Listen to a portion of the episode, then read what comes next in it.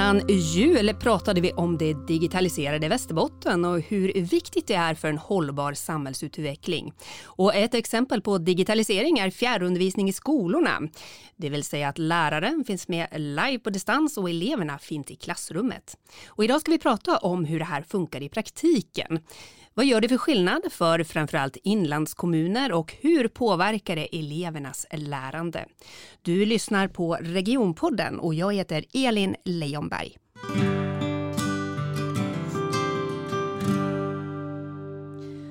Och med mig i studion idag så har jag Peter Hjelm och Linda Rudolfsson som arbetar som IT-pedagoger på Mediacenter vid Region Västerbotten. Välkomna till Regionpodden. Tack så mycket. Tack så mycket. Jag tänker att ni ska få börja med att berätta vad fjärrundervisning är för någonting. Ja, eh, fjärrundervisning, det är, det är så att i skollagen finns den väl reglerad för vilka förutsättningar som krävs. Eh, inte att blanda ihop med den nödundervisning som bedrevs, eller fortfarande i vissa fall bedrivs på grund av pandemin. Men den reglerade fjärrundervisningen innebär att eh, läraren, lärarna, eh, precis som du beskrev här innan programmet, att den behöver inte befinna sig i rummet. Däremot så måste under, undervisningen ske syn synkront, det vill säga samtidigt. Eh, eh, och eleverna, eh, förutom att de då befinner sig i sitt klassrum och, och eh, har sin undervisning så måste det finnas en vuxen person, en handledare på plats som finns tillgänglig dels för tillsynsansvar men även för att kunna ja, men se till att det blir en god stämning i gruppen och vara fjärrlärarens förlängda ögon och öron och armar. Ja, men just det. Men du sa att det här skiljer sig mot det sätt som man har undervisat nu under pandemin. Kan du utveckla det? Ja, ja men eh, under pandemin handlar det ju väldigt mycket om att vi måste kunna fortsätta ge våra eh, barn och elever undervisning eh, och det blir då hemifrån. Och den stora skillnaden där det är ju att under den här nödundervisningen, då hann ju inte skolorna förbereda varken pedagoger eller eleverna på hur det här ska gå till. Så det, var, det blev ganska mycket upp till varje enskild lärare. Och det finns, eh, ja men möjligheten att kunna se hur det går för eleverna är mycket, mycket svårare när de befinner sig hemifrån, för där finns ju ingen handledare. Så där finns det ju alltifrån exempel från att man, man fixar det här väldigt bra, men det finns även elever som vittnar om att man har kunnat ligga kvar i sängen, man behöver inte slå på webbkameran och, och kanske inte tog till sig så mycket av själva undervisningen. Och det här är ingen kritik mot eh, de lärare som har bedrivit undervisningen, de har gjort så gott de har kunnat. Men det är en stor skillnad på den reglerade fjärrundervisningen som sker i klassrummet med en handledare än undervisningen som sker på distans under pandemin. Mm. Och jag tänker också det som eh, skillnaden är ju att man inte är i ett sammanhang som elev när den här nödundervisningen har varit. Eh, då har man ju suttit själv hemma. Som, även kanske också lärarna har suttit hemma själv. Men det finns ju också en annan undervisningsform som är distansundervisning som man lätt också kan blanda ihop. Det är mycket begrepp här. Eh, och distans är ju mer att man är asynkront, att man lägger upp undervisningen eh, så att man kan ta del av den när som helst under dygnet. Eh, det finns möjligheter att se filmer, arbetsmaterial och så vidare. Och så visar man det på något bra sätt, eh, att man har tagit sig igenom undervisningen och eh, den utbildningen som, som bedrevs. Kan man kombinera de här två varianterna, fjärrundervisning och distansundervisning? Ja, jag tänker att kombinationen kan nog vara att man kan tänka i blending learning, alltså man kan tänka också flippat klassrum, att man kan se till som lärare att man kanske har haft sin föreläsning inspelad sedan tidigare och låter eleverna titta på den och så när man då ses eh, med sin fjärrundervisning så, så fortsätter man eh, jobba med det som de har tittat på. Så kan man göra. Kan man se någon skillnad i vad som då är bäst så att säga mellan distansundervisning och eh, fjärrundervisning? Ja, men jag tänker så här, man ska vara ganska mogen om man ska kunna eh, vara med och, och, ta del av distansundervisning och därför är det ju det oftast i högre eh, utbildning som man bedriver det. Det man också kan tillägga det är att det inte är tillåtet att bedriva distansundervisning i grundskolan och gymnasieskolan. Däremot med vuxenstudier och ja, på universitet och så vidare, där är det en annan sak. Men den är inte reglerad där på samma sätt. Och sen tänker jag också den reglerade fjärrundervisningen. Vi har ju haft många år där vi har haft möjlighet att bedriva fjärrundervisning i moderna språk, i eh, modersmål och studieanledning och teckenspråk. Eh, från och med förra året i juli så, så öppnar man upp efter, även för teoretiska eh, ämnen och då är det lite beroende på vilken årskurs man går i då. Så. Men, men den möjligheten finns. Mm, just det. Men vad är det man har att vinna då med fjärrundervisning? Nej, men anledningen till att man bedriver fjärrundervisning är ju, finns ju lite olika anledningar, men, men det vi ser är ju att det råder en nationell lärarbrist. Väldigt svårt att få tag på utbildade lärare och då främst kanske i de inlandskommunerna som vi jobbar ganska nära, där man under väldigt många år har försökt rekrytera eh, kanske då en moderna språklärare till sin kommun, men misslyckats. Och då har man ju fått ta valet att antingen ta, slopa det, eh, det valet av modersmål eller alltså, moderna språk, eller så har man ju fått ta en o, alltså, som inte är legitimerad lärare helt enkelt, som undervisat.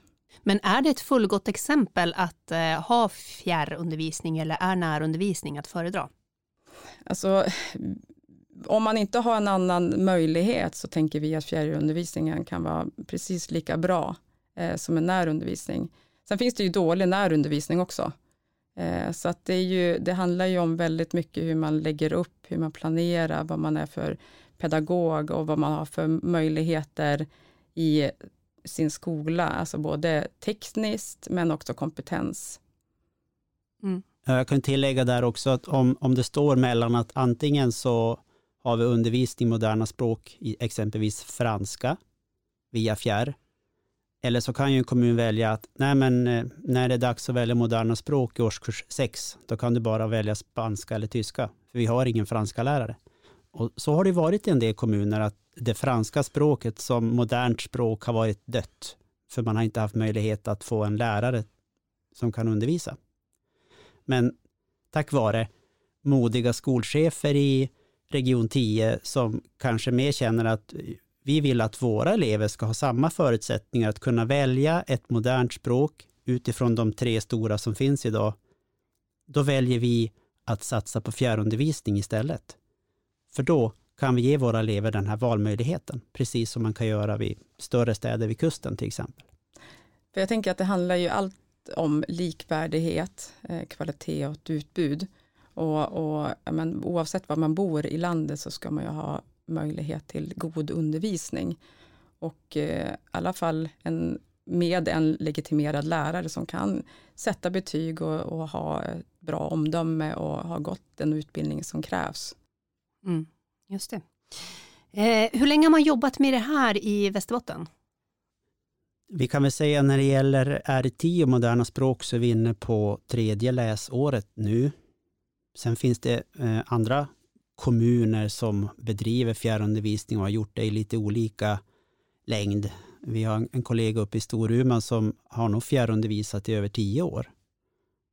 Eh, och vi har andra exempel också från länet där man bedriver fjärrundervisning och har gjort det under många år.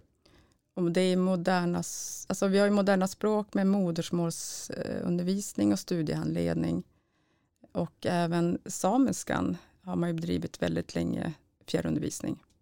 Du har nämnt R10 några gånger här. Vi ska komma in närmare på det lite senare i det här avsnittet. Eh, först tänkte jag, vad, vad, är det som krävs av en skola för att man ska kunna eh, göra fjärrundervisning? Krävs det någonting speciellt? Ja, men eh, först, först ska skolan ha gjort vad, vad de kan, vad som står i deras makt att få tag i en, i en behörig lärare på plats. Och precis som Linda nämnde tidigare, det är många kommuner som har gjort det här under många år och man har inte hittat en hållbar lösning. Eh, då har man möjlighet att, om vi nu tar moderna språk, där det enligt den reglerade undervisningen är tillåtet, där kan vi alltså bedriva fjärrundervisning. Så då, då kan man i alla fall säga, ja men för oss funkar det, vi har rätt att göra så här. Sen måste man titta över de tekniska lösningarna på skolan också. Vi brukar prata om att för att en fjärrundervisning ska fungera så måste man ha ett digitalt ekosystem som funkar. som kan prata samma språk och som gör att undervisningen faktiskt blir interaktiv och intressant. Det ställer höga krav på skolornas nätverksuppkopplingar. Eh, det spelar ingen roll hur duktig du är som undervisande pedagog om du inte har internetuppkoppling, att nätet laggar och så vidare. Det är också en, en viktig förutsättning. Det ska finnas handledare. Skolorna måste ändå se till att det finns en vuxen person i rummet eh, tillsammans med eleverna som kan stötta dem och supporta dem, som jag nämnde här tidigare. Finns de här förutsättningarna på de mindre skolorna i inlandet exempelvis? Ja, men vi, vi, vi har ju sett en eh, progression i det här. Alltså, från början så fanns kanske inte allting på plats. Men under de här åren så har verkligen verksamheten och skolorna sett till att det finns. Och, och vi känner ju att det här, eh, ja men man lär sig hela tiden. Eh, och vi ser ju också att det handlar ju mycket om elevernas digitala kompetens också. Det är lärarens digitala kompetens som de här fjällärarna har. De provas ju fram och kanske misslyckas ibland och så vidare. Men sen också måste man ju ge eleverna tid att lära sig, få undervisning via den här formen, ta till sig det. För att vi ser ju det här som ett förändringsarbete och det måste få ta tid. Man kan inte tro att det här bara går från ena veckan till den andra, utan vi, vi ser ju långsiktigt på det här och försöker bygga upp och tillsammans med forskningen som vi har med universitetet i Umeå, pedagogiska institutionen, så tittar vi ju väldigt nära på både organisation, verksamhet, vad som krävs där, vad krävs det för läraren, handledaren och nu även mot eleverna. Så jag tänker att tillsammans så gör vi det här bättre. Mm. Och ett tillägg där också, förutom det du nämnde Linda, så, så har vi jobbat under alla dessa år med att möta upp Team Fjärr, de här fjärrlärarna som bedriver moderna språk, så de har vi ju träffat med nytt för i år det är att vi även har byggt upp nätverket med de rektorer som har undervisning på sin skola som bedrivs via fjärr. Vi har även skapat upp ett nätverk med eh, de som har ett handledaruppdrag också för att stärka dem och, och lyssna in hur de ser, vad, vad behöver vi utveckla, eh, dela med sig goda exempel mellan varandra också. Mm. Så det här är ett jobb som, alltså det är många som måste förstå hur saker och ting fungerar och här måste vi hjälpas åt allihopa och vara ödmjuka för att ibland krånglar det, men målet är att vi löser det här. Men vi kan ju också se, alltså, det är ju väldigt många modiga skolledare, rektorer, eh, lärare eh, som, som verkligen gör det här. Och vi gör det ju tillsammans som sagt var. Och, och eh, det har varit väldigt spännande att se förändringen, attitydförändringen tänker jag. För först var det ju att en vilja fanns och, och man var modig att eh, anställa lärare. Men, men nu finns det också den här, det härliga positiva sättet. Jag tänkte vi ska komma in lite grann på just er roll, för skolan drivs ju under kommunal flagg eh, och ni jobbar för Region Västerbotten som IT-pedagoger. Vad blir er roll i det här? Alltså vår roll i det här är att samordna de här olika funktionerna eller eh, det som vi bedriver. Eh, och vi samordnar egentligen behovsinventerar ju först och främst vad finns det för behov i kommunerna. Eh, sen så tittar vi över vad har vi för, för lärare att använda oss av och, och vi har ju under de här åren kanske anställt fjärrlärare som inte sitter i vår kommun. Vi kommer att få träffa en, en lärare som, som är anställd i en kommun som finns i vår region snart. Men, men eh, jag tänker att någon som vi har sitter ju i Göteborg, en annan i Lund, eh, den tredje sitter i Kroatien, vi har en som sitter i Småland. Så de är ju väldigt utspridda eh, och tillsammans så blir vi väldigt, väldigt bra Eh, med olika infallsvinklar helt enkelt. Och det samordnar vi, träffas varje fredag och pratar alltså didaktik, pedagogik, teknik och så vidare. Eh, och ett sätt att också så här bara få andas tillsammans och kanske också berätta hur veckan har varit.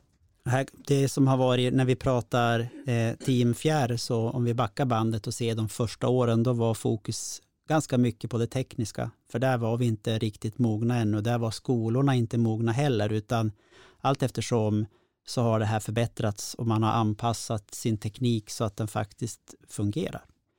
När vi träffar Team Fjär idag är det, det är sällan vi pratar teknik, utan det är precis det du säger Linda, pedagogik, didaktik och metodik. Men det vi också gör, eh, jag och Peter, är ju eh, att även se till att ja, men, schemamässigt så funkar det. För det här är ju alltså, om man nu har lagt schema tidigare i en skola, så är ju här schemaläggning 4.0 nästan.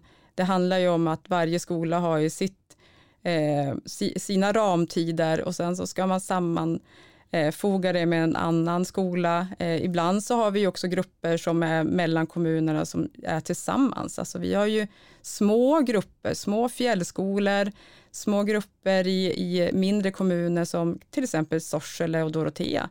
De har undervisning tillsammans. Eh, och där ser vi också ett mervärde att vi kan samarbeta och att eleverna även får träffa andra elever från andra kommuner. Så det finns en tanke med just det här samarbetet. Det handlar inte om någon typ av effektivisering utan det är, man ser en större vinning med det. Ja, alltså vi, vi brukar säga att det här är ju ingen billigare lösning. Eh, det är ju billigare att anställa en outbildad lärare kan man ju lugnt säga. Eh, det här krävs ju mycket, mycket mer. Det krävs teknik, det krävs en legitimerad lärare som kanske sitter någon annanstans, som kanske behöver en, en kontorsplats, eh, ja jag vet inte, men och de ska också resa till de här eh, kommunerna och skolorna, alltså fysiskt besöka dem, för det ingår i avtalet som vi skriver att att i alla fall minst två gånger per läsår ska man ha besökt då skolorna och eleverna och eh, bekantas med sina kollegor, för det ser vi också är jätteviktigt att de känner också att de är med i ett, eh, sin verksamhet och är med på APT och så vidare. Eh, och det blir också en, eh, en positiv bild från verksamheten, att vi har faktiskt en lärare som sitter i en annan stad och den är med oss idag. Vi pratar ju just nu mycket om just det här med att eh, ställa om till ett hållbart samhälle. Hur stor del ser ni att fjärrundervisning är en del av det? Mycket stort skulle jag vilja säga, för eh, den tid du sparar jämfört med om du ska transportera dig till och från din undervisningsgrupp, det är ju jättemycket tid. Och miljön givetvis också. Men jag skulle vilja backa bandet där du, vi pratar om att eh, det är kommuner i R10 nu som känner att vi vill kunna ge våra elever en, en, en skola där man ska kunna ha samma utbud som en, en större kommun. Det de här kommunerna också har förstått att det kan bli aktuellt i andra ämnen också. Och tar vi första steget och börjar lära oss hur det här fungerar så blir det mycket lättare om det skulle uppstå brist i ett annat ämne. För det måste vara bättre att jag har en, en utbildad, duktig pedagog som bedriver undervisningen än att jag har en eh, kanske outbildad som gör sitt bästa och, och vi pratar om myndighetsutövning, att sätta betyg är myndighetsutövning, så vi måste tänka att det är viktigt att de som gör det verkligen vet vad de håller på med. Ja, och nu har vi med oss Anna Lundqvist på telefon från Lycksele. Hej Anna! Hej! Eh, du har suttit med och lyssnat här och du är förstelärare i fjärrundervisning. Eh, vad skulle du säga är den största skillnaden mellan fjärrundervisning och närundervisning när det kommer till pedagogik och lärande? Um, jag tycker att den frågan är lite svår att, att, att besvara idag, så jag, jag backar till för fyra år sedan när jag började som fjärrlärare. Um, jag utgick helt enkelt ifrån eh, vad är det jag gör i mitt fysiska klassrum? Hur gör jag det? Eh, varför gör jag det? Eh, och vad av det vill jag ta med mig in i fjärde sammanhanget, alltså in i det digitala klassrummet? Eh, och jag kom väl fram till att de saker som, som jag vill jobba med och vill få att hända i, i mitt klassrum, oavsett om det är digitalt eller fysiskt, det är att jag vill kunna ha en klassrumsdialog med mina elever om det vi jobbar med. Jag vill att mina elever ska kunna samarbeta med varandra. Jag vill att eh, det ska finnas en tydlig struktur över hur vi jobbar och med vad vi jobbar. Eh, men det ska också finnas möjlighet att jobba enskilt och få bra hjälp av mig som lärare. Eh, sen steget från det fysiska klassrummet och in i det digitala klassrummet, det innebar att jag var tvungen att tänka efter. Hur, hur ska jag göra det här möjligt? Eh, i fjärrsammanhanget. Eh, så egentligen är det ju kanske vissa former, eh, vissa verktyg som, som är skillnaden för mig idag. Men när jag planerar undervisning idag så tänker jag inte främst utifrån ska jag ha en fjärrlektion eller ska jag ha en närlektion? Vad var den stora utmaningen för dig då när du skulle börja köra fjärrundervisning? Det tar tid att, att uh, tänka om och ställa om.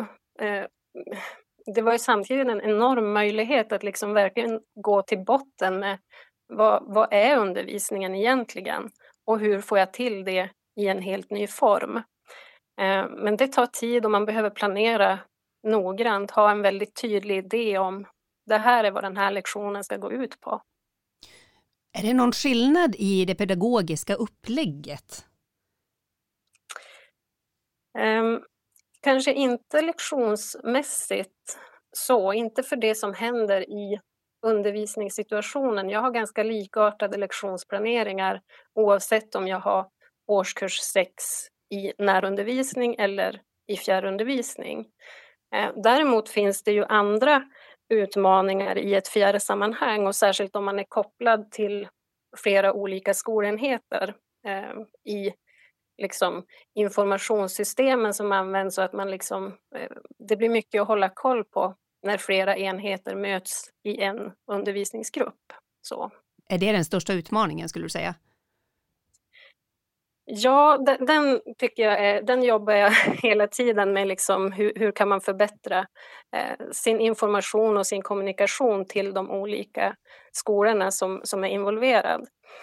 Eh, sen kan det också vara, jag tänker, när man, man försöker ju liksom anpassa sin undervisning och sina lektioner så att det ska, det ska verkligen vara till hjälp för alla, även den som kanske behöver extra stöd. Och där kan det ju finnas en utmaning i att om det här skulle behöva ta annan tid än lektionstid, möta upp en elev eh, utanför lektionstid, så är ju det lite svårare i fjärrsammanhanget beroende på hur elevens övriga schema ser ut, hur mitt schema ser ut och så vidare. Hur jobbar ni kring den frågan då? Ja, jag måste säga att jag förlitar mig väldigt mycket på mina fjärrhandledare i att ta hjälp av dem. Ehm, och stämmer alltid av med mina handledare direkt efter lektionstiden. Vad såg du som jag kanske inte uppfattade? Hur kan vi jobba vidare med det här? Behöver vi involvera någon annan på skolan? Behöver vi ta hjälp av SPES till exempel? Men hur tycker du att det funkar då att vara fjärrlärare? Jag tycker definitivt att det fungerar och att det fungerar eh, bra. Um, jag är glad att jag får, får göra både och fortfarande, både närundervisning och fjärrundervisning. Eh, men har ju insett att jag tycker att det blir mer och mer likt varandra. Mm. Vad får du för respons från elever och kanske föräldrar? Ehm, den kan ju vara lite olika, responsen från elever, precis som i, i mitt fysiska klassrum också. Ehm, jag hade ju turen att få börja i ett fjärrsammanhang där alla elever fick fjärrundervisning i moderna språk. Det var liksom ingen skillnad. Valde du ett språk så fick du närundervisning och valde du ett fick du fjärr. Så jag tycker nog att jag har haft en eh, väldigt mycket positiv respons kring fjärrundervisningen. Sen kan det ju vara så att, att det som inte är lika positivt kanske inte når fram till mig på samma sätt, kanske eh, stannar kvar på respektive skola. Men känner du att du kan nå samma resultat med fjärrundervisning som med närundervisning? Ja, om jag tittar på, på elevernas resultat så tycker jag det. Eh, men sen, sen, finns det utvecklingsområden, absolut, kring till exempel kontakt, möj, alltså, möjligheten med kontakt med vårdnadshavare till exempel. Så man, man får tänka till eh, hur man ska lösa. Mm. Eh, avslutningsvis då, vad skulle du ge, vilja ge för råd till någon som ska börja med fjärrundervisning? Lärare eller skola? Eh, jag tänker, som lärare tänker jag att gå tillbaka till de grundläggande didaktiska frågorna. Vad är det vi ska göra? På vilket sätt? Och, och varför ska, ska vi hålla på med det? Eh, och så sen eh, när man planerar sin undervisning kanske tänka ut en plan B. Om det här nu inte fungerar på grund av tekniken till exempel. Eh, vad kan jag ha för alternativ lösning då. Hur ofta är det tekniken ställer till det för dig?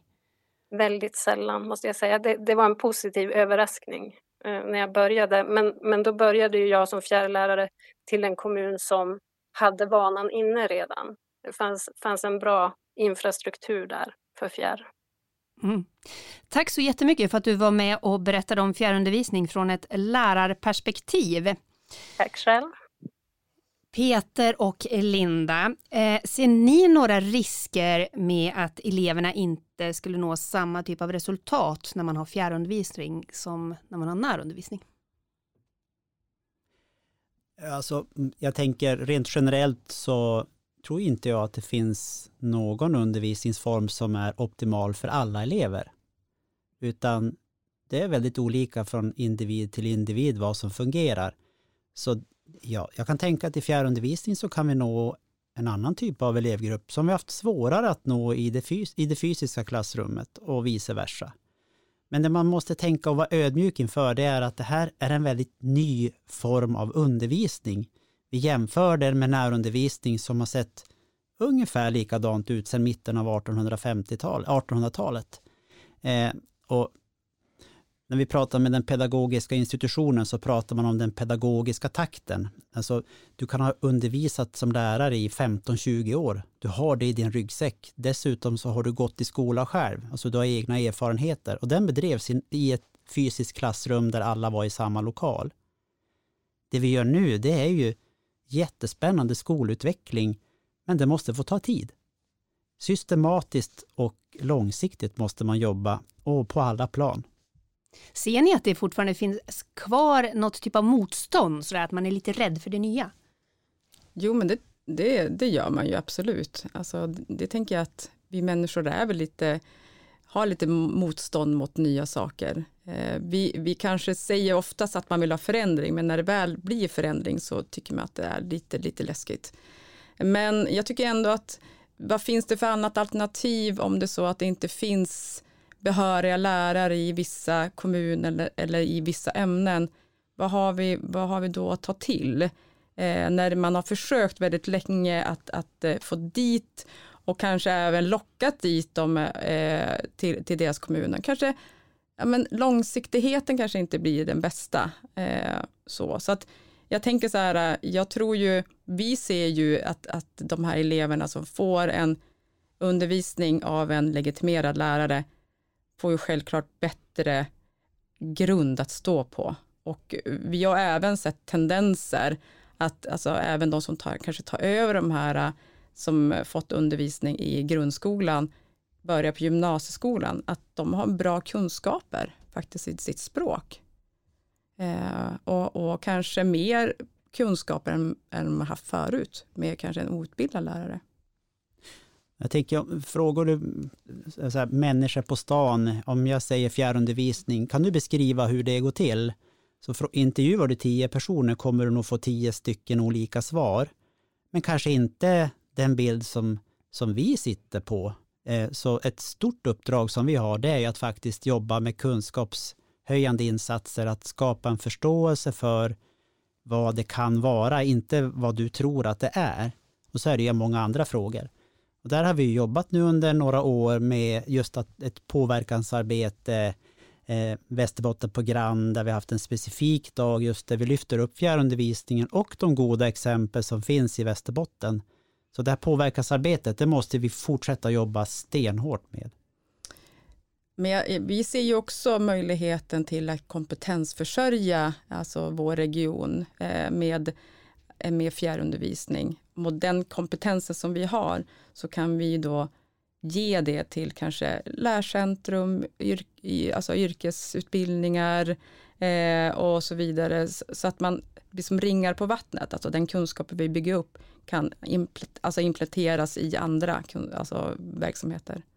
Mm. Får ni någon typ av respons in eller har ni gjort några undersökningar om hur det här mottas på skolor, av elever, av föräldrar och så vidare? Ja, vi har ju sedan första året, eh, vi gör utvärderingar varje år eh, för att någonstans, vi måste se, ja men åt vilket håll blåser vinden? Det är ändå, ja, vi jobbar med någonting som är nytt och vi måste få veta vad de olika intressenterna tycker. Eh, det vi gör nu inför det här läsåret det är att vi eh, har genomför en enkät med frågor som vi kände oss nöjda med i fjol. Som gör att vi kan någonstans mäta nu lite grann. Vad är det för skillnad mellan elevernas uppfattning? Vad, vad tycker eh, lärarna? Vad är deras uppfattning? Vad tycker handledarna? Vad är deras uppfattning? Eh, så att lite grann som en av våra strateger brukar säga, vi, vi bygger rälsen samtidigt som vi kör tåget. Vad har ni sett då hittills när ni har gjort utvärderingar? Hur har responsen varit? Ja, men, både, som, både positivt men också negativt. Men tänk tänker att det, det oftast är så att man kanske ser att ja, det är negativt, men, men vi ser ju mer som utvecklingsområden, att vi kan bli bättre på det här och att vi kan fånga upp det som, som behövs utvecklas. Och det tycker jag att vi har gjort med de här äh, utvärderingarna, enkäterna som vi har skickat ut. Ehm, och, nej men jag, jag, jag kan se att ja, men det kan bli också väldigt personberoende på vilken lärare och det vet vi ju alla här som har haft lärare att det är så det är. Ehm, men eh, vi jobbar hela tiden tillsammans med det fjärrteam eh, att, att stärka upp de utveck alltså utvecklingsområdena tillsammans med rektorer och handledare och så vidare. Krävs det någon speciell kompetens eller utbildning för att gå från närlärare till fjärrlärare? Ja, men där känner vi ett ansvar att om vi i regionens regi, eller egentligen är det ju det är inte Region Västerbotten som, som anställer pedagogerna, utan det gör, det gör kommunerna ute i, i Västerbotten. Eh, men där känner ju vi ett ansvar att skola in dem, och det är också ett av anledningarna till att vi har de här eh, avstämningarna, träffarna som vi har varje vecka. Eh, för det krävs att du blir förberedd. Eh, I och med att vi nu har våra erfarna fjärrlärare, om vi vet med oss att vi får en anställning som ska börja till hösten, eh, får man den klar tidigare under våren, då har jag möjlighet att bli inbjuden och titta på när en kollega undervisar via fjärr också för att få en liten insyn i hur det fungerar. Och som rektor är det ju fantastiskt enkelt att göra verksamhetsbesök i det digitala rummet jämfört med om du, om du har en kommun där du har, som är väldigt utspridd där du ska åka bil mitt i vintern. Här är det bara att sätta sig vid datorn och ett headset och sen så följer du med undervisningen. Och just fjärrundervisning är ju ganska utbrett vad jag förstår i Västerbotten och att eh, ni även har kommit ganska långt i det här och ligger lite i framkant. Eh, du var inne tidigare och pratade om de här R10 kommunerna. Eh, nu ska du få chansen att utveckla det här. Vad är, vad är R10 kommunerna för något? Ja, eh, egentligen så är det åtta kommuner i Västerbotten och sen har vi två kommuner från Norrbotten som känner att de, har ungefär, de står inför samma typ av utmaningar. De här R10-kommunerna samverkar i fler frågor än bara utbildning. Och det är ju, alltså, är du liten så är ensam inte stark. Men kan man gå ihop och samverka i gemensamma frågor så får man lite draghjälp. Och när det gäller fjärrundervisningen så är det mycket lättare att kunna erbjuda en heltidstjänst. För det är ju också ett, ett argument. Bättre att kunna säga, men jobbar du hos oss då kommer du kunna få en 100% tjänst. Sannolikheten är mycket större att du har kvar den pedagogen om du bara får kanske 30% i en kommun. Hur länge har det här samarbetet funnits då mellan kommunerna? Så? Oj, den frågan kan faktiskt inte jag svara på. Jag, den är nog ganska långt tillbaka, eh, när det var region 8 som det kallades då. Men känner ni att det, är liksom, det här är ett, ett uh, väl utvecklat samarbete så där den här formen flyter på eller finns det mycket utvecklingspotential? Nej, men jag tänker att formen flyter på bra och det är på grund av att det finns då en, en utvecklingsstrateg i Region 10 också som jobbar med utbildningsfrågor. Eh, och det är ju, gör ju det mycket lättare att, att driva de här eh, frågeställningarna som är runt skolan. Och jag tänker en, ett annat gott exempel just från R10-området, det är ju när eh, Vilhelmina och Storuman börjar fundera kring hållbarhet, långsiktighet kring att kunna ha gymnasieutbildningar till ungdomarna. Att man nu tar sats för att ha ett ja, södra Lapplands eh, Gymnasieförbund. gymnasieförbund blir det. De har skapat gymnasieförbund just för att istället för att eleverna ska behöva åka buss mellan orterna så kan man ställa i ordning. Nu kommer vi in med ytterligare ett nytt begrepp där jag pratar om hybridundervisning. Alltså ett rum där eleverna, ett, ett klassrum där det finns elever samtidigt som det finns en annan elevgrupp som sitter i exempelvis Vilhelmina. Eh, och så har man en hybridundervisning. Hur väl är beprövat är den metoden då? Det här är också väldigt nytt. Eh, men eh, på samma sätt tycker jag som vi har tagit oss an fjärrundervisningen och vi har mycket erfarenheter där att föra över när det gäller den hybrida undervisningen. Ja, men lika systematiskt kommer att gå tillväga med hybridundervisningen och att utveckla det också. Och det vi ser det är att det är ett jättestort intresse runt om i landet just kring hybridundervisning. Och kanske framförallt med vuxenstudier. Nu pratar vi gymnasie och vuxenutbildningar. Så där är ju, jag ska inte säga att vi predikar, för det gör vi inte, men vi, vi, vi blir tillfrågade i olika sammanhang om att berätta om just hybridundervisning. Just det. Alltså vilka, hur långt ner i ålder kan man eh, bedriva fjärrundervisning? Ja, det ser lite olika ut, men alltså de, i de ämnen där det är tillåtet enligt skollagen eh, så är det så att i ämnet modersmål så får man göra det så hela grundskolan. Där handlar det mer om att du måste titta på elevens mognad, alltså har den här möjligheten att ta till sig undervisningen på ett kvalitativt sätt utifrån ålder. Eh, och detsamma gäller samiskan, alltså de nationella minoritetsspråken är ju särskilt skyddade och där ska man göra allt man kan för att kunna erbjuda det. Det är teckenspråk och studiehandledning. och studiehandledning på elevens starkaste språk. Och där får man då bedriva hela grundskolan så att säga. Ja, vilka fler ämnen finns det då som man kan ha fjärrundervisning i som är godkända? Ja, men nu är det ju, alltså, alltså moderna språk är ju från och 6 då, eh, när man får välja det, eh, upp till nian. Men sen är det ju också utifrån eh, ja, men de teoretiska ämnena så är det ganska många beroende på vilken årskurs man är då i. Så det måste man gå in på Skolverket och se vilka ämnen som, som går att bedrivas. Sen är det också lite olika procent procentsatser, hur mycket fjärrundervisning får man bedriva på sin skola.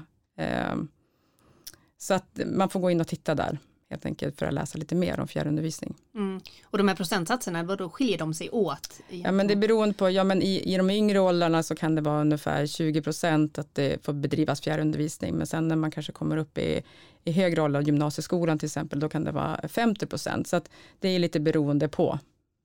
Just det, och där är det lagstiftningen då ja. som sätter mm. gränserna. Ja.